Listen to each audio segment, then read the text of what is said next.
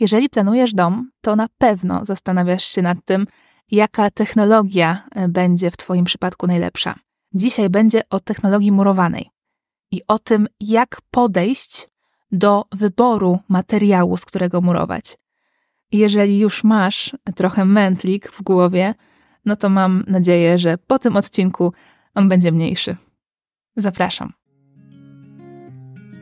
Dzień dobry, cześć. Nazywam się Maria Bladowska, jestem architektem, a to jest podcast Dom według Ciebie, czyli podcast o wszystkim, co dotyczy planowania Twojego przyszłego domu. Cokolwiek może Ci pomóc, żeby Twój projekt był lepszy, tutaj to znajdziesz. Dzisiejszy odcinek będzie taki trochę e, bardziej techniczny niż do tej pory, ale myślę, że potrzebny. Dlatego, że w internecie znajdziecie mnóstwo artykułów, mnóstwo filmów e, o tym, z czego wymurować dom.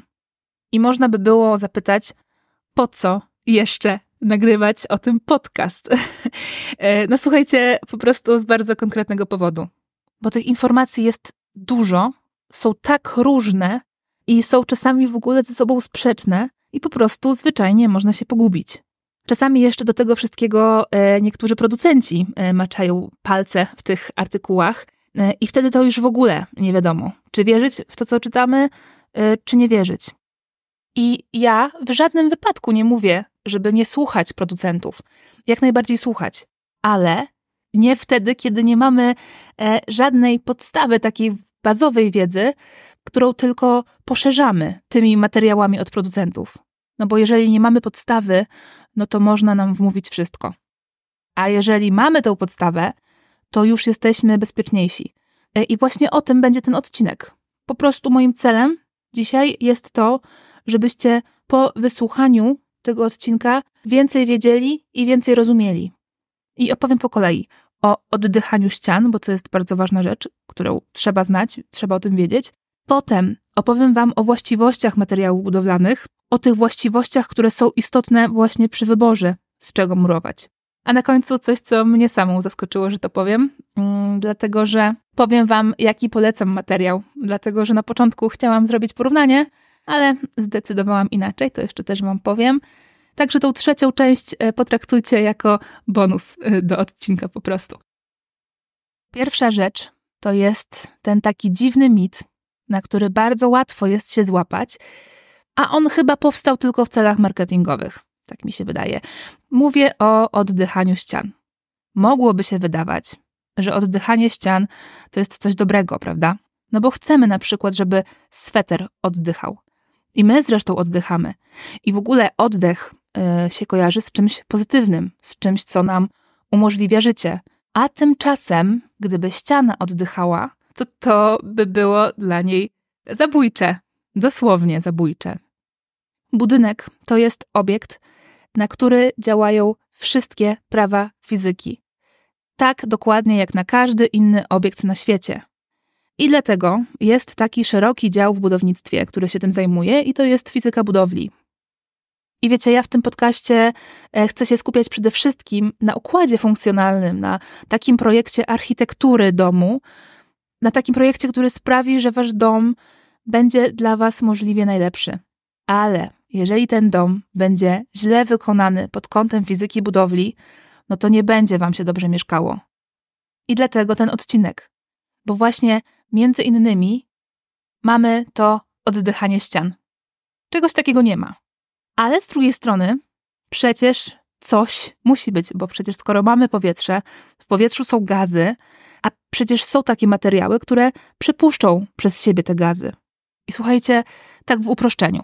Jest jeden gaz, którego zawsze chcemy się pozbyć z budynku, dlatego że nie może go być za dużo, a my go dużo produkujemy, bo na przykład oddychamy. Mówię oczywiście o parze wodnej, o wodzie. Gdyby pary wodnej było za dużo, to możemy sobie wyobrazić, jak jest wilgotno w pomieszczeniu, jak ta para wodna się tam skrapla na szybach, na ścianach, grzyb się tworzy i tak. Dlatego my nie chcemy pary wodnej, bo jak jest jej więcej w powietrzu niż w ogóle powietrze jest w stanie przyjąć, to ona się wykrapla. I parę wodną z pomieszczeń usuwamy wentylacją.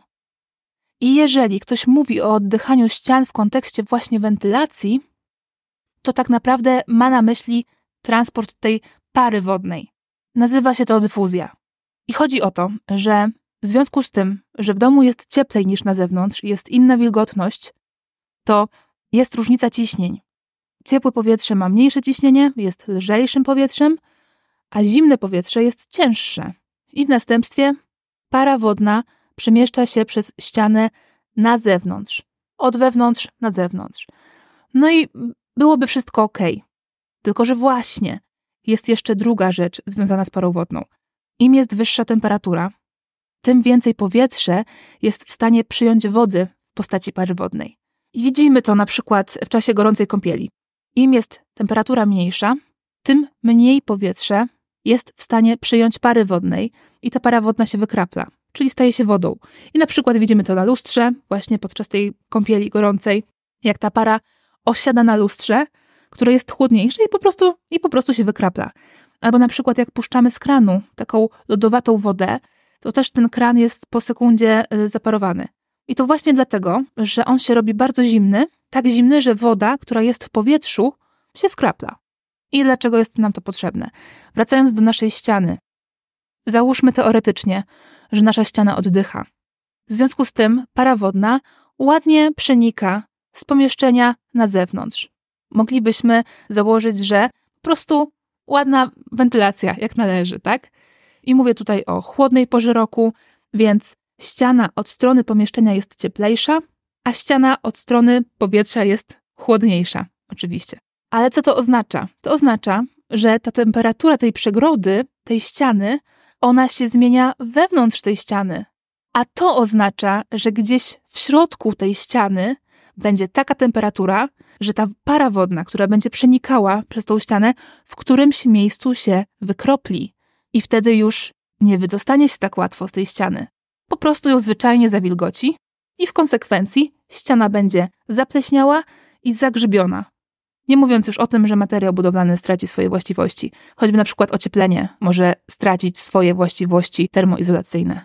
I dlatego my nie chcemy, żeby ściana oddychała. My chcemy, żeby z wewnątrz pomieszczenia do ściany nie dostała się żadna para wodna. I dlatego właśnie stosujemy na dachu folię paroizolacyjną, a dla ścian murowanych tynk. To są materiały szczelne. No ale ktoś może powiedzieć, że co jeżeli woda dostanie się do ściany, po prostu ściana się zawilgoci nie w wyniku skroplenia się pary wodnej i ta ściana nie będzie oddychała i ta woda nie będzie mogła wyparować i nie ucieknie na zewnątrz. I słuchajcie, tak jak mówiłam o dyfuzji, czyli o tym przenikaniu pary wodnej przez przegrodę, to każdy materiał budowlany jest w pewnym stopniu otwarty dyfuzyjnie, tak to się nazywa. Nawet właśnie w małym stopniu. Dyfuzyjnie zamknięte są na przykład folia paroizolacyjna i tynk. Ale te materiały służą do paroizolacji. A to, co my robimy, żeby umożliwić to wydostanie się wody na zewnątrz, to wyparowanie, jeżeli trzeba, to po prostu zapewniamy taki układ warstw ściany, żeby każdy kolejny materiał tej ściany był w kierunku na zewnątrz domu, coraz bardziej otwarty dyfuzyjnie. Czyli jeżeli mamy ścianę murowaną, ocieploną i otynkowaną na zewnątrz, to żeby tym cząsteczkom pary wodnej, które się przemieszczają przez ścianę, było się coraz łatwiej wydostać. Koniec tego tłumaczenia. E, mam nadzieję, że Wam to zrozumiale wytłumaczyłam. Ściana nie ma oddychać i nie dajcie się okłamać sprzedawcom, którzy po prostu na tym nośnym haśle oddychająca ściana chcą zarobić. No a teraz przejdźmy do drugiej części, do wyboru, z jakiego materiału wymurować dom. Żeby zdecydować, jaki wybrać materiał, to musicie określić, jakie wy macie wymagania co do waszej ściany. Ja będę e, mówiła tutaj tylko o murze, więc nie będę mówiła o wymaganiach dla całej ściany, dlatego że ściana jest z różnych materiałów i każdy materiał jest w innym celu. I ja po prostu przejdę po kolei przez te właściwości materiałów murowych, które mają znaczenie dla muru. A mur jest przede wszystkim konstrukcją budynku. Więc po pierwsze, termoizolacyjność. Słuchajcie, na termoizolacyjność nie patrzcie w ogóle. Jeżeli jest mowa o murze, o bloczkach, pustakach, cegłach itd. Tak to, w jaki sposób, jak bardzo ociepla się teraz ściany, to sprawia, że współczynnik przenikania ciepła dla muru nie ma żadnego znaczenia. My ocieplamy dom materiałem termoizolacyjnym i to ten materiał jest od tego.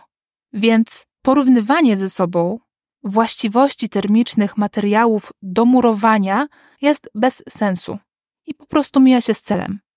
Ale jest jedna rzecz, która jest związana z temperaturą i to jest akumulacyjność cieplna. To jest bardzo ważna rzecz. To działa tak, że są materiały, które się szybko nagrzewają i szybko wychładzają, a są takie materiały, które się wolno nagrzewają, ale też wolno oddają to ciepło. Co oznacza, że jeżeli mamy włączone ogrzewanie i nagle je włączymy, to będą ściany z takich materiałów, które przytrzymają to ciepło dłużej i budynek będzie się wolniej wychładzał, dlatego że ściana oddaje to ciepło, które zakumulowała. I na tym nam zależy. Warto na to patrzeć. Zwłaszcza jeżeli temat ogrzewania jest dla Was ważny, chcecie oszczędzać na rachunkach za ogrzewanie, e, chcecie mieć dom energooszczędny, no to wtedy na akumulacyjność cieplną trzeba patrzeć. Kolejna rzecz. E, słyszałam argumenty, które mówiły o nasiąkliwości materiałów, tego jak chłoną wodę. Czyli, że ktoś porównując różne materiały do murowania, bierze pod uwagę nasiąkliwość. I teoretycznie to brzmi dobrze, tylko mam pytanie: skąd ta woda, którą budynek ma chłonąć? Bo budynek składa się z różnych materiałów i każdy materiał ma inne zadanie. Mur to jest konstrukcja budynku i to jest zadanie muru. Od ochrony przed zawilgoceniem jest hydroizolacja. I to hydroizolacja ma chronić mur przed zawilgoceniem. A tynk z kolei przed wilgocią yy, pochodzącą z pary wodnej. I to jest prawda, że my mamy tą wilgoć technologiczną podczas budowy, ale po budowie mur wyschnie, tak czy inaczej. Jeżeli każdy kolejny materiał w stronę na zewnątrz budynku będzie coraz bardziej otwarty dyfuzyjnie, ten mur wyschnie. Więc jeżeli ktoś by chciał porównywać materiały murowe pod kątem tego, który bardziej chłonie wodę, no bo każdy chłonie, no to to nie ma sensu.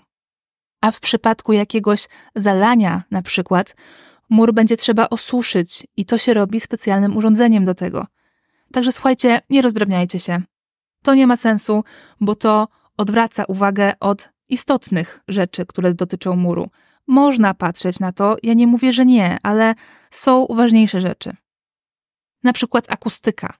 Akustyka to jest kolejna właściwość, która jest warta Waszej uwagi e, i pod kątem dźwięków z zewnątrz, ale też z wewnątrz domu. I to jest tak, że im większa jest masa danego materiału, tym izolacyjność akustyczna, czyli to zatrzymywanie dźwięku, będzie lepsze.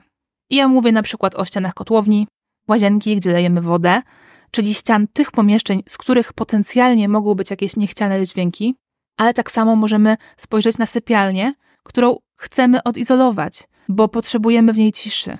I oczywiście, jeżeli potrzebujecie kompletnej ciszy, no to sama ściana nic wam nie da, dlatego że od tego są też różne rozwiązania dźwiękoszczelne, dźwiękochłonne. Ja tylko mówię o takim normalnym użytkowaniu domu, e, że są materiały murowe, które lepiej albo gorzej izolują akustycznie. I też jeżeli będziecie porównywać, e, to zwracajcie uwagę na współczynniki, które podają producenci. Dlatego, że ja się spotkałam na stronach internetowych, że niektórzy producenci podają RW, czyli ten wskaźnik laboratoryjny, a inni RA1. A to już jest po dodaniu do wskaźnika RW wskaźnika adaptacyjnego. Czyli ten RA1 wygląda na gorszą akustyczność, ale RW jest jeszcze przed tą korektą. Więc ja nie wiem, czy to chodzi o to, żeby lepiej wyglądało, czy o co chodzi, nie wiem. Szkoda, że nie jest to ujednolicone, bo byłoby nam wszystkim łatwiej. Ale czego jeszcze chcemy od ściany? No, oczywiście, ściana ma chronić dom. I tutaj mam na myśli pod kątem konstrukcji. Chodzi o wytrzymałość na obciążenie wiatrem, bo wiatry mogą być bardzo silne, Chodzi o usztywnienie konstrukcji budynku, o podtrzymanie stropu, przeniesienie obciążeń z dachu albo ze stropu do fundamentów. I tym oczywiście nie zajmujcie się, bo to robi konstruktor. I z każdego materiału murowego oczywiście da się wymurować dom, ale nie w połączeniu z każdym stropem, dlatego że ja na przykład miałam taką sytuację, to chyba już mówiłam kiedyś, że inwestor chciał pustaki keramzytowe i lekki drewniany strop. I my to musieliśmy zmienić, dlatego że połączenie dwóch lekkich materiałów po prostu powodowało, że dom by się złożył pod naciskiem wiatru. My tam akurat zamieniliśmy e, strop na cięższy i te pustaki e, zostały. I zmierzam do najważniejszego. Niekoniecznie narzucałabym swoją wolę konstruktorowi tak po prostu, tylko dlatego, że e, przywiązałam się do jakiegoś materiału, bo na przykład ktoś mi powiedział, że on jest trwały, że jest nienasiąkliwy, albo że nasz wykonawca na przykład tak woli. Polecam zaufać konstruktorowi, dlatego że on wie, jak będzie najlepiej w waszym konkretnym przypadku. I on wam zaprojektuje tak, jak chcecie. Jeżeli zaproponujecie jakiś materiał, no to on tak zaprojektuje. Ale nawet się nie dowiecie, że gdybyście zostawili ten dobór materiału konstruktorowi, no to wyszłoby was na przykład taniej, dlatego że on by dobrał materiał, który byłby optymalny, a nie dopasowywałby konstrukcji pod materiał, który ktoś sobie upatrzył, tylko materiał pod konstrukcję. Powiem Wam, że z mojego doświadczenia to konstruktorzy to są ogarnięci ludzie yy, i wiedzą, co robią. I no jak mówimy, z czego murować dom, no to mówimy o konstrukcji. No a od konstrukcji jest konstruktor. No i wiecie co? Właśnie chciałam Wam tutaj zrobić porównanie materiałów. Tak, żeby było bezstronnie, tak jak lubię, e, po prostu, żeby Wam opowiedzieć o właściwościach poszczególnych materiałów i tak dalej, żeby każdy mógł podjąć taką decyzję, jaką uważa. No bo to się wydaje najsensowniejsze. Ale jak już siadłam do tego, żeby się przygotować do tego odcinka, to uświadomiłam sobie, że kurczę, no to jest mój podcast. E, I ja jestem bezstronna, e, bo nikt mi nie płaci za żadne polecanie i nic takiego. I w związku z tym, że moje intencje są czyste, to ja Wam po prostu mogę polecić materiał tak, jak ja bym chciała, żeby mi ktoś polecił, gdybym po prostu była na Waszym miejscu. I to jest pewnie głos w morzu innych głosów, także możecie mi zaufać, możecie mi nie zaufać, albo może będziecie mieli taki przypadek, w którym ja też bym Wam poleciła inny materiał, po prostu materiał stosowny do Waszej sytuacji. No i ja rozmawiam e, z różnymi specjalistami, e, z konstruktorami, z architektami, z wykonawcami, audytorami energetycznymi i z kimkolwiek. Ja rozmawiałam o tym, co oni myślą, z czego budować, to każdy mówił, i ja wam mówię razem z nimi, że budować z bloczków wapienno-piaskowych, czyli z silikatów. Dlaczego? Bo na nasze obecne wymagania, które dotyczą ścian, to te bloczki mają właściwie wszystko. One mają dużą akumulacyjność cieplną, dużą wytrzymałość, dużą masę, więc są też dobre pod kątem akustyki. Pod kątem pożarowym też są dobre, chociaż to, to nie ma takiego znaczenia przy budynkach jednorodzinnych.